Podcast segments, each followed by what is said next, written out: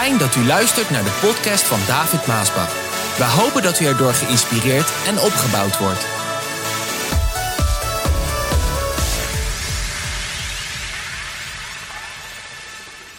Ik wil vandaag een vraag neerleggen aan ons allemaal, maar ook jongeren en ouderen en wie u ook bent.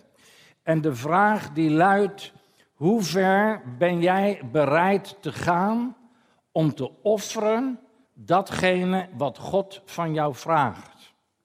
En ik zou het fijn vinden als deze vraag jou en uw hart, geest, gedachte, ziel passeert, dat je het laat bezinken. En ik zou het fijn vinden als je een antwoord vanmorgen zou geven over deze vraag. Ik kan hem vragen in de vorm van hoe ver ben jij bereid te gaan, u bereid te gaan, om te offeren datgene wat God van jou vraagt. Ik kan hem ook vanuit God stellen. Want dat was eigenlijk het punt dat ik dacht, Heer, hoe zal ik de vraag stellen vanmorgen aan de mensen, opdat ze antwoord kunnen geven op die vraag. En eigenlijk is iedereen een antwoord op deze vraag schuldig. Je zou een antwoord moeten geven en je zou ook een antwoord kunnen geven als je eerlijk bent vandaag. Ik zou ook kunnen zeggen vanuit Gods oogpunt, hoe ver ben jij bereid te gaan om mij te offeren datgene wat ik van jou vraag? Met een hoofdletter. Dan is het God zelf die hem ook zou vragen. En vandaag zou iedereen deze vraag moeten kunnen beantwoorden. Hoe ver ben jij bereid te gaan om te offeren datgene wat God van jou vraagt? Dat is een hele goede vraag. Hier kan je op heel veel verschillende manieren mee omgaan. En ik weet hoe sommigen hiermee omgaan. Maar misschien dat dat ergens in de boodschap wel naar boven komt. Want in het verlengde van Abrahams verhaal is dit wat God tegen Abraham zei in Genesis 22. Abraham, neem je zoon, je enige, van wie je zoveel houdt, Isaac. Ga naar het land Moria en offer hem daar als een brandoffer aan mij. De plaats waar u dat moet doen, zal ik u wijzen. Dit ligt in de verlengde van de vraag die de Heer ook vraagt. Hoe ver ben jij bereid te gaan om te offeren datgene wat God van jou vraagt? Abraham, neem je zoon, je enige. Niet zijn enige zoon, want hij had al Ismaël.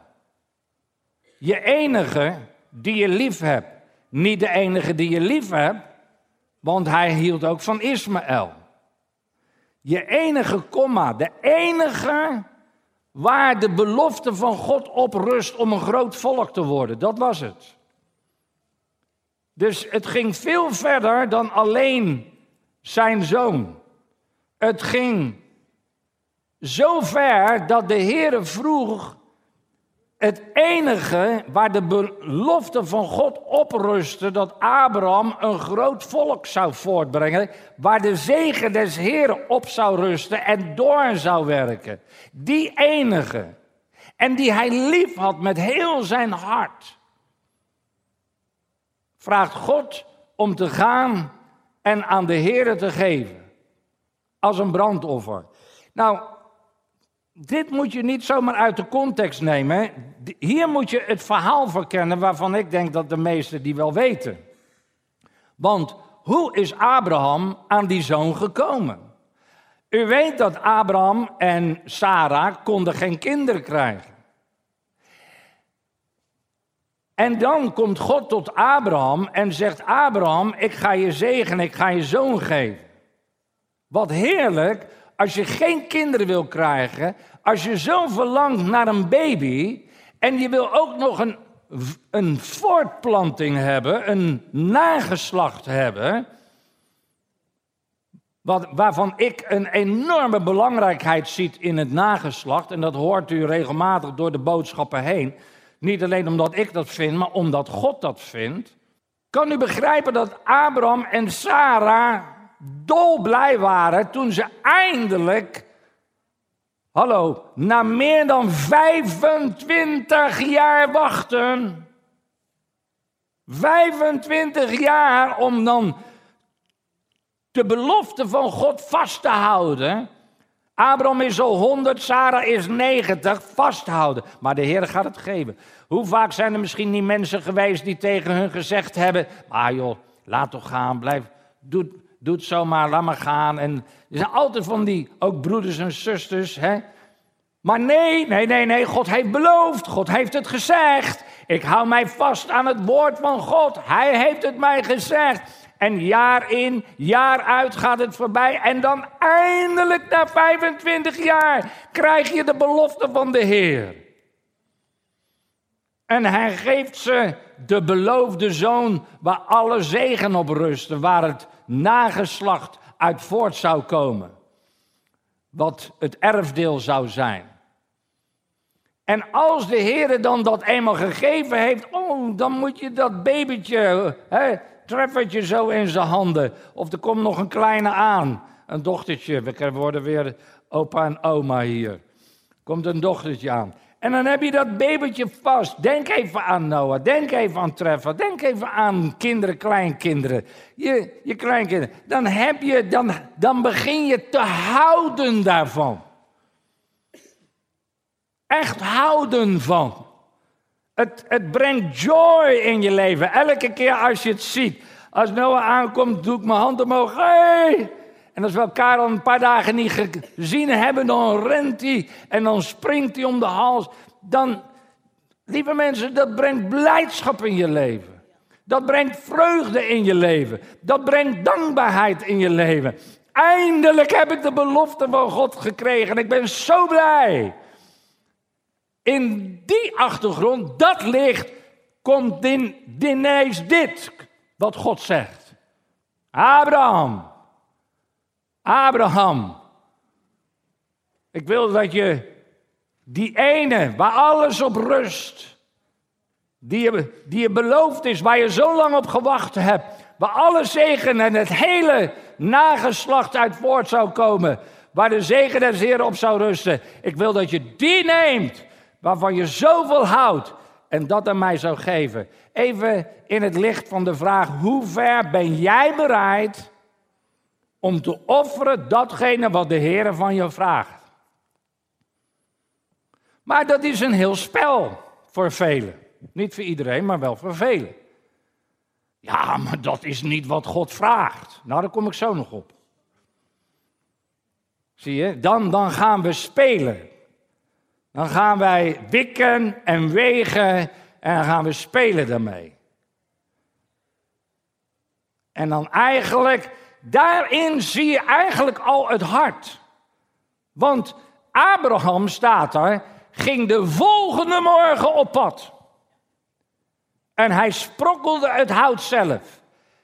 En het hout ging op de ezel of ezels. Twee dienaren gingen mee Abraham en Isaac, ze gingen op weg naar de plaats waar hij ging geven en offeren datgene wat de Heer van hem vroeg. Dus er was voor hem geen wikken en wegen. En ja, maar Heer, dat lees je nergens. Ja, maar Heer, u hebt toch dat, uh, u hebt toch eindelijk, heb ik dat gekregen. U hebt toch gezegd dat daar de zegen, dit kan toch allemaal. Dat is allemaal menselijk beredeneren. Allemaal vleeselijk. En als je dan ook nog eens een keer met vleeselijke mensen omgaat, die zullen jou steunen in al die vleeselijke gedachten waarom je het toch maar niet moet doen. Whatever het is wat de Heer van jou vraagt om aan Hem te geven. Of dat nou een offer is van geld, of een huis, of een auto, of een carrière, of een baan. Whatever. Je kinderen, waar ik het vanmorgen over had, om die op te voeden, niet voor een carrière en baan, maar om de weg van de Heer te gaan en fulltime in het zendingswerk te gaan, om uitgezonden te worden als zendeling naar India of Pakistan of wherever.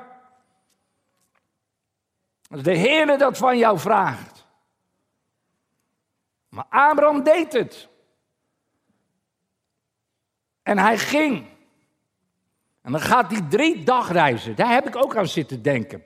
Drie dagreizen was de, ging hij van waar hij was, uh, Berseba, beneden Berseba naar Moria, de berg Moria, de streek Moria. Dus daar ook waar Jeruzalem is. Later Jeruzalem. Daar is drie dagen is dat reizen. Want dat ging natuurlijk lopend. Dat doe je nu in, ja, misschien een paar uur, weet niet.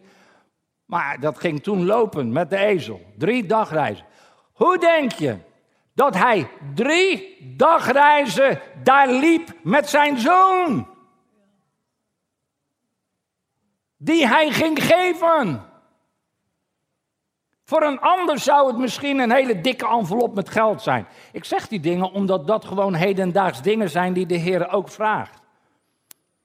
Je hebt 10.000 of 100.000 euro in een envelop, zit je in je zak en je gaat er drie dagen mee rondlopen. Geven gaat brengen aan de Heer. Nou, ik zou het zeker niet aan iedereen vertellen. Zeg, ik heb een envelop met 100.000 en die ga ik aan broeder David geven. Zondag, voor het werk des Heer. Dan weet ik wel wat voor advies je krijgt. Maar zo was het ook met Abraham. Drie dagen, wat ging er door die man heen in zijn denken? Om dat grote offer te brengen wat de Heer van hem vroeg. Misschien dat er echt wel van die flitsende gedachten door hem heen ging. Welk mens zou dat niet hebben? En dan, als ze dan vlak bij die plaats zijn, Moria, dan pakt Abraham dat hout van de ezel, want hij ziet daar iets verder de plaats waar hij het moet gaan brengen aan de Heer. Dan pakt hij het hout van de ezel, dat legt hij op zijn zoon Isaac om dat stukje te dragen. Want zelf neemt hij het vuur, het vuur en het mes. Isaac het hout op zijn schouder, Abraham het vuur en het mes. En dan gaan ze, die, die, die twee bedienden die blijven achter. Abraham wil dit laatste stukje met zijn zoon zelf gaan. Hij wilde ook niet dat die bedienden erbij waren wat hij ging geven aan de Heer. Want ziet u, Abraham wist nog helemaal niet wat komen zou. Voor hem stond er maar één ding: ik ga offeren datgene wat de Heer van mij vraagt aan God. En dan laat hij die bediende achter en dan gaat hij met zijn zoon dat stukje verder. En dan draagt, Isaac draagt dat hout, Abraham heeft het vuur en het mes. Isaac die ziet dat en dan zegt, ja ik zie dat hij ook hout draagt hier. Nou, dat is een film. Maar dat is wat de Bijbel zegt. En Isaac ziet dat en dan zegt Isaac tegen zijn vader: Papa, hey. Kijk, Isaac was niet een klein kind meer, maar hij was ook niet een volwassen. Hij was nog erg jong. En dan zegt Isaac: Papa, hoe, hoe kan dat nou?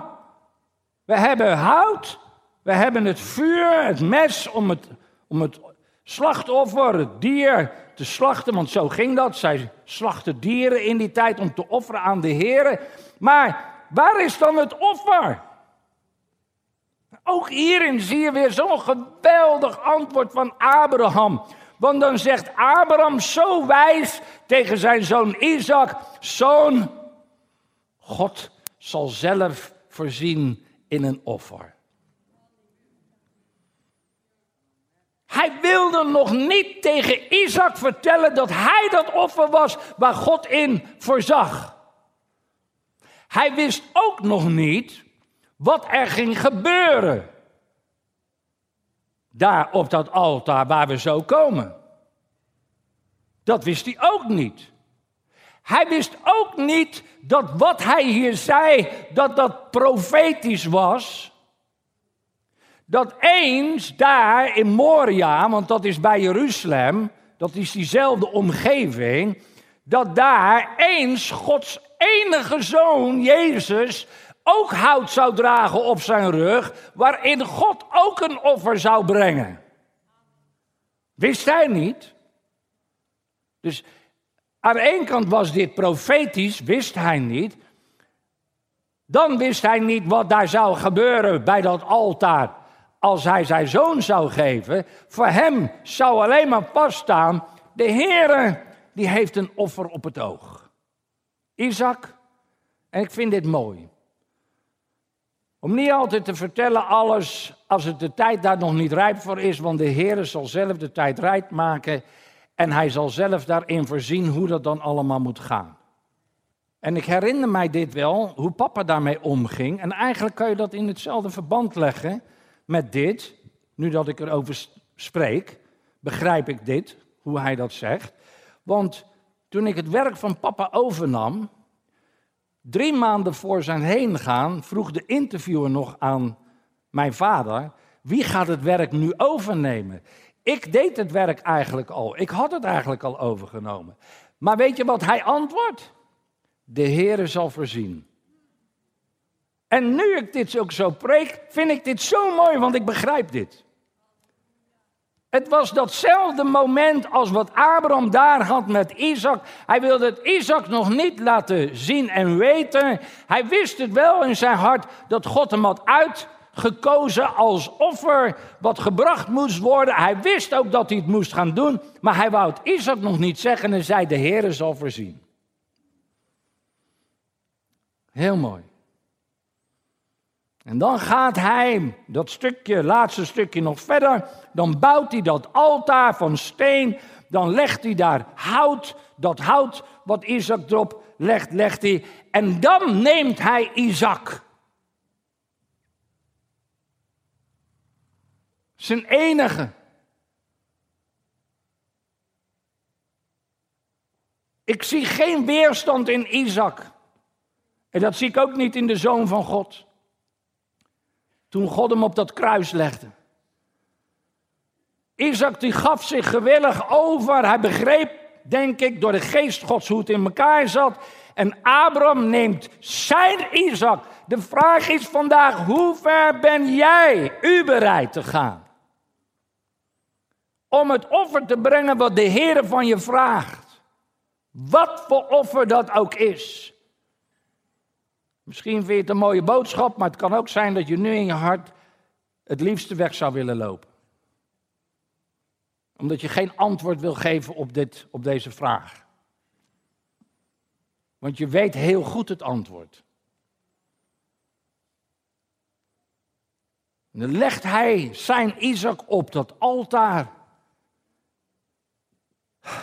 Dan pakt hij het mes. Het vuur in zijn andere hand. En dan wil hij het doen.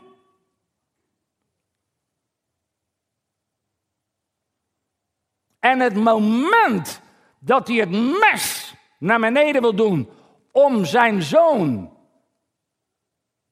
aan God te offeren, komt God en hij zegt in Genesis 22, op dat moment riep de engel van de Heer uit de hemel: Abraham, Abraham. Ik luister, Heer. Wat is er, Heer? Ik ben bereid om het nu te geven. Ik heb geloof dat u het weer uit de doden kan doen opstaan. Heer, u kent mijn hart. Ik wil het geven nu. Nee, Abraham, leg het mes weg. Laat de jongen ongemoeid. Want ik weet nu dat God de belangrijkste is in je leven.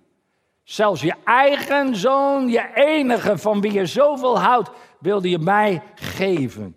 Kijk mensen, ik heb hier eens over nagedacht, goed. En ik dacht bij mijzelf, en die vraag heb u misschien ook wel eens gesteld. Waarom zou God dit moeten doen bij Abraham? Want God is God en hij weet alle dingen, hij kent het hart. En toen dacht ik bij mijzelf, dit was niet voor God dat hij dit van Abraham vroeg.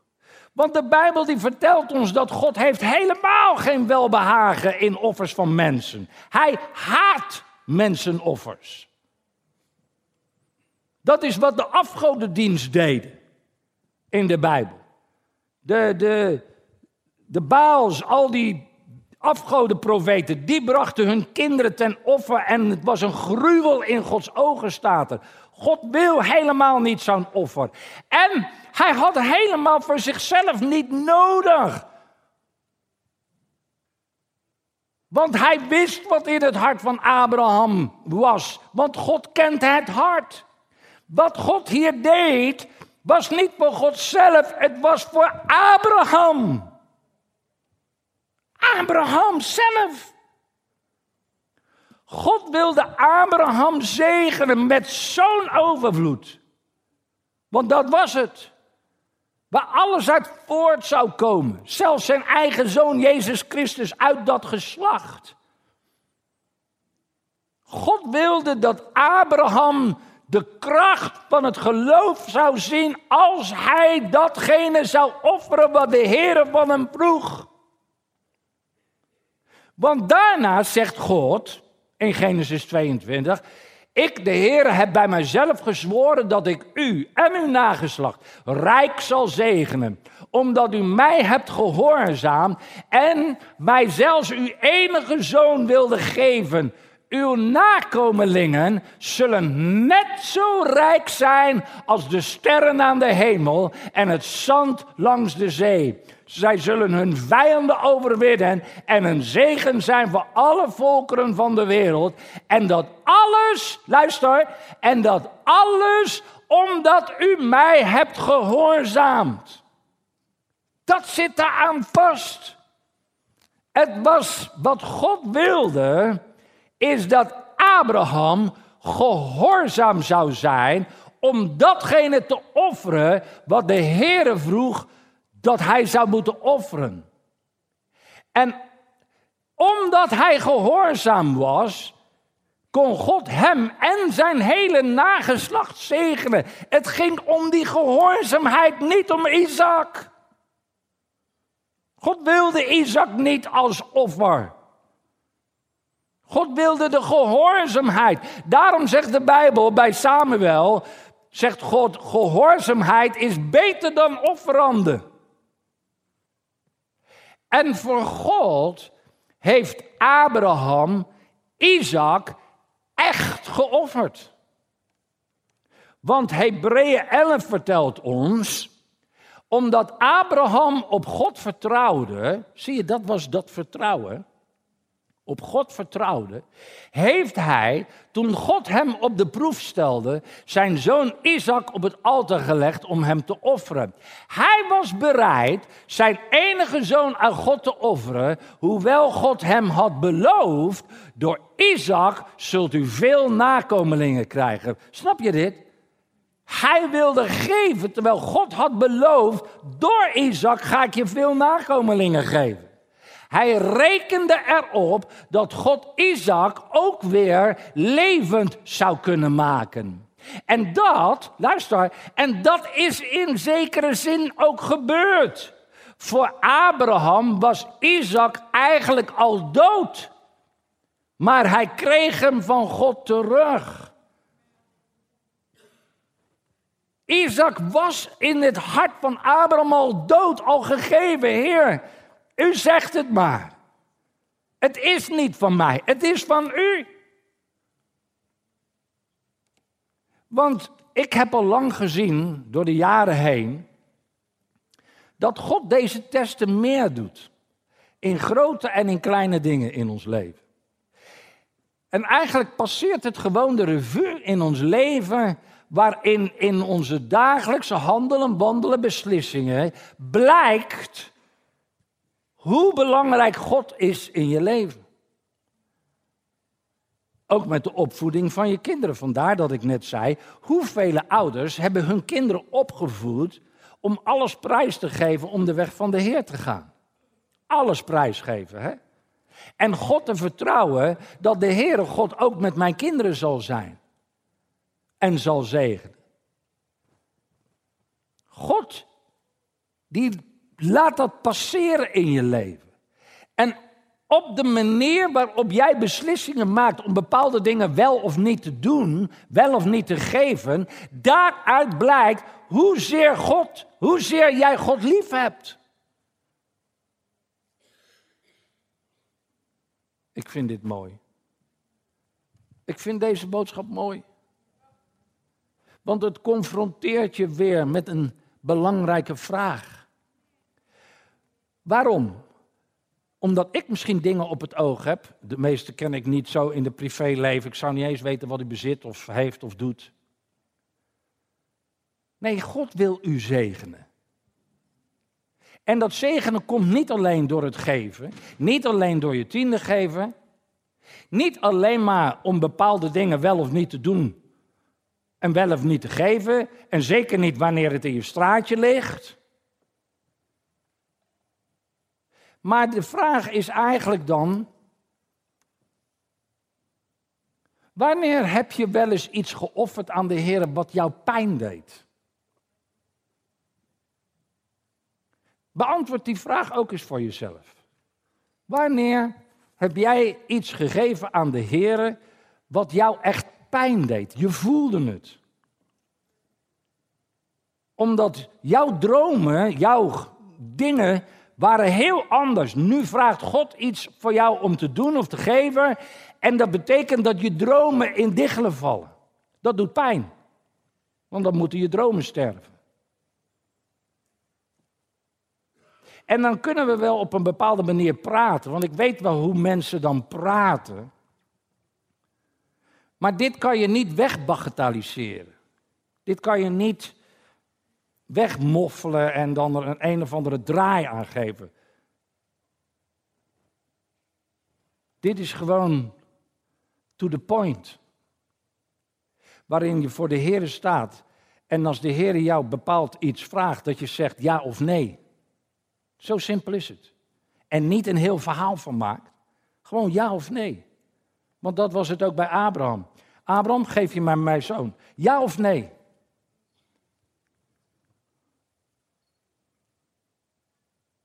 En ik weet dat de Heer dat in de komende tijd gaat doen.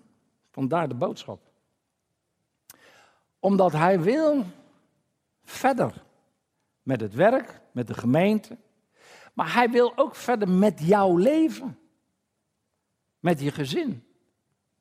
Ik vertelde de jonge mensen. Een van de dingen die ik moeilijk vond toen ik jong was, dat staat ook in mijn boek, mijn autobiografie, dat was om mijn oude vriendenkring op te geven. Nou, want sommigen denken hier misschien ineens alleen aan geld. Het gaat niet alleen om geld. Het gaat om heel veel dingen. Wat de Heer op een bepaald punt in jouw leven van jou vraagt. Om dat op het altaar te leggen. Ofwel te offeren. En een van de dingen wat ik de kinderen dan vertelde, dat was, ja, want hoe kwam dat?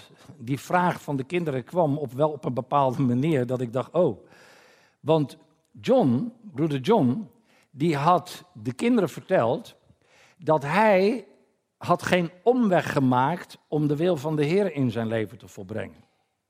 Maar een aantal van zijn broers en zussen wel. Dus toen ik met de kinderen sprak, ineens, zomaar in het midden, al die kinderen zitten daar. Toen vroeg een kind, en dan zie je weer de onschuldigheid van kinderen. Een van die kinderen die vroeg, broeder David, ja, vraag maar, je mag alles vragen wat je wil. Broeder David, uw broer Robert, of uh, uw broer, die heb ik ook. Uh, uw broer John, die vertelde ons gisteren dat hij met zijn toewijding om de wil van de Heer in zijn leven te doen, geen omweg heeft gemaakt. Maar een aantal van zijn broers en zussen wel. Bent u die broer? En dan moet je antwoorden. Dan moet je antwoorden, want ik kon dat niet. Uh, ja, ja. Maar dat is recht. En, en ik sta natuurlijk ook niet te springen om iedereen te vertellen ja, dat was ik. Maar ik was het wel en ik was het niet, want ik kwam al op mijn veertiende om voor de Heer te gaan werken, in het zendingswerk. En toch heb ik daarin een omweg gemaakt toen de Heer mij vroeg om mijn oude vriendenkring op te geven. Als zij echt dingen gingen doen die waarachtig echt niet konden, niet samen gingen, dan, dan ging ik niet mee.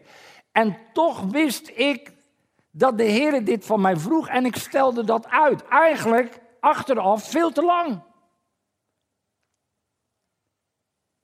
Totdat de Heer mij daarmee confronteerde. En ik was met mijn vriendenkring weer weg en ik was wat aan het drinken.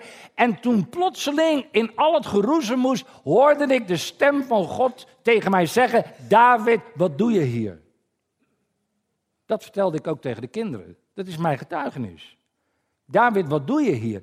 En dat was in de vorm van ik wist heel goed wat die ene zin betekende. Wat doe je hier? Hier hoor je niet te zijn. Ik heb je geroepen. Ik wil dat je dat op het altaar legt. Ik wil dat je dat opgeeft voor mij. Ik wil dat je dat offert.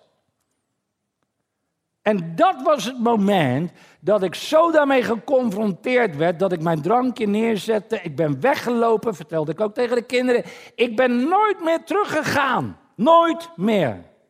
Ben naar huis gegaan, ben op mijn knieën gegaan, de Heer om vergeving gevraagd. En dat was het moment dat ik me echt helemaal opofferde om te zeggen: Oké, Heer, ik weet het nu wel. Hier is mijn leven. En dan zie je in mijn leven ook een verandering, want dan ga ik helemaal voor het werk des Heren. Ik wist het toen. Ik werd daarna ook jeugdleider, et cetera. Zo, het kunnen heel veel verschillende dingen zijn in iemands leven waarop je deze vraag kan beantwoorden. Hoe ver ga jij om te offeren datgene wat de Heer van jou vraagt? En sommige heeft de Heer al meermalen aan het hart geklopt, zoals hij bij mij toen deed met mijn vriendenkring. Ik ben blij, ik heb geen spijt van het moment dat ik toen die beslissing heb gemaakt. En dat ik er helemaal voor ben gegaan. Ik ben ook blij dat de Heer mij niet alles vertelde wat komen ging, anders had ik het nooit afgemaakt. Maar dat hij stap voor stap met mij ging op de weg des Heren tot vandaag. Eben Ezer. Maar als je dus nu kijkt naar de zegen des Heren op mij, Regina, onze kinderen en nageslacht, dan moet je wel teruggaan in de tijd. Naar het moment dat we zeiden, en ik weet, Regina heeft hetzelfde gedaan, Heer, zeg het maar. En de prijs ervoor betaald. Ik heb geen spijt van die prijs. Dat is wat Petrus ook tegen Jezus zei. Hij zei op een gegeven moment, Heer, wij hebben alles voor uw prijs gegeven. Alles. En dan antwoordt Jezus, ja, maar niemand heeft verlaten vader, moeder, land, akker, huizen, om mijns naams wil, of je ontvangt honderdvoudig weder. De Heer heeft zijn woord waargemaakt. En dat zal hij bij u ook doen, als je hem maar kan en wil vertrouwen zoals Abraham deed. Dan maakt de Heer alles wel. Want uiteindelijk wil hij het doen. God zegt dit. En wat ziet hij? Een ram die verstrikt zit in de struiken. En toen wist Abraham, dat wist hij niet ervoor, toen wist Abraham wat hij moest doen. En hij nam Isaac van het altaar af, die kreeg hij dus terug. Wat hij eigenlijk al aan de Heer had gegeven. Die nam die en kreeg die terug van God. En hij nam het ram, wat God, dat was niet toevallig. Dat daar, ja, maar David was toevallig een ram. Dat deed God. Die voorzag. Daarom heet die plaats de Heer voorziet. En Abraham vertrouwde erop. En dat ram nam die en die nam de plaats van zijn zoon Isaac in. En dan jaren later, dan komt Jezus als het offerlam die God daar op diezelfde omgeving aan dat kruis laat slaan om uw en mijn plaats in te nemen. Dat is het verhaal van Abraham en Isaac. Zo, er zit heel veel van jou en mij bij. En dan moet je ook een antwoord geven. Ja, hoe ver ben ik bereid? Nou, we zullen het zien als de Heer jou wat gaat vragen. En bij sommigen heeft hij dat al gedaan. Dan is de vraag, die kan je niet uit blijven stellen, die zal je vandaag of morgen moeten beantwoorden, liever vandaag dan morgen. Bij anderen gaat hij het in de komende tijd doen. En dan zal blijken of dat je bereid bent om te geven dat wat de Heer van je vraagt. Maar als je het doet, dan heeft dat alleen maar te maken met grote zegen die de Heer voor je heeft klaarstaan, die hij jou wil geven als je hem gehoorzaam wil zijn. Amen.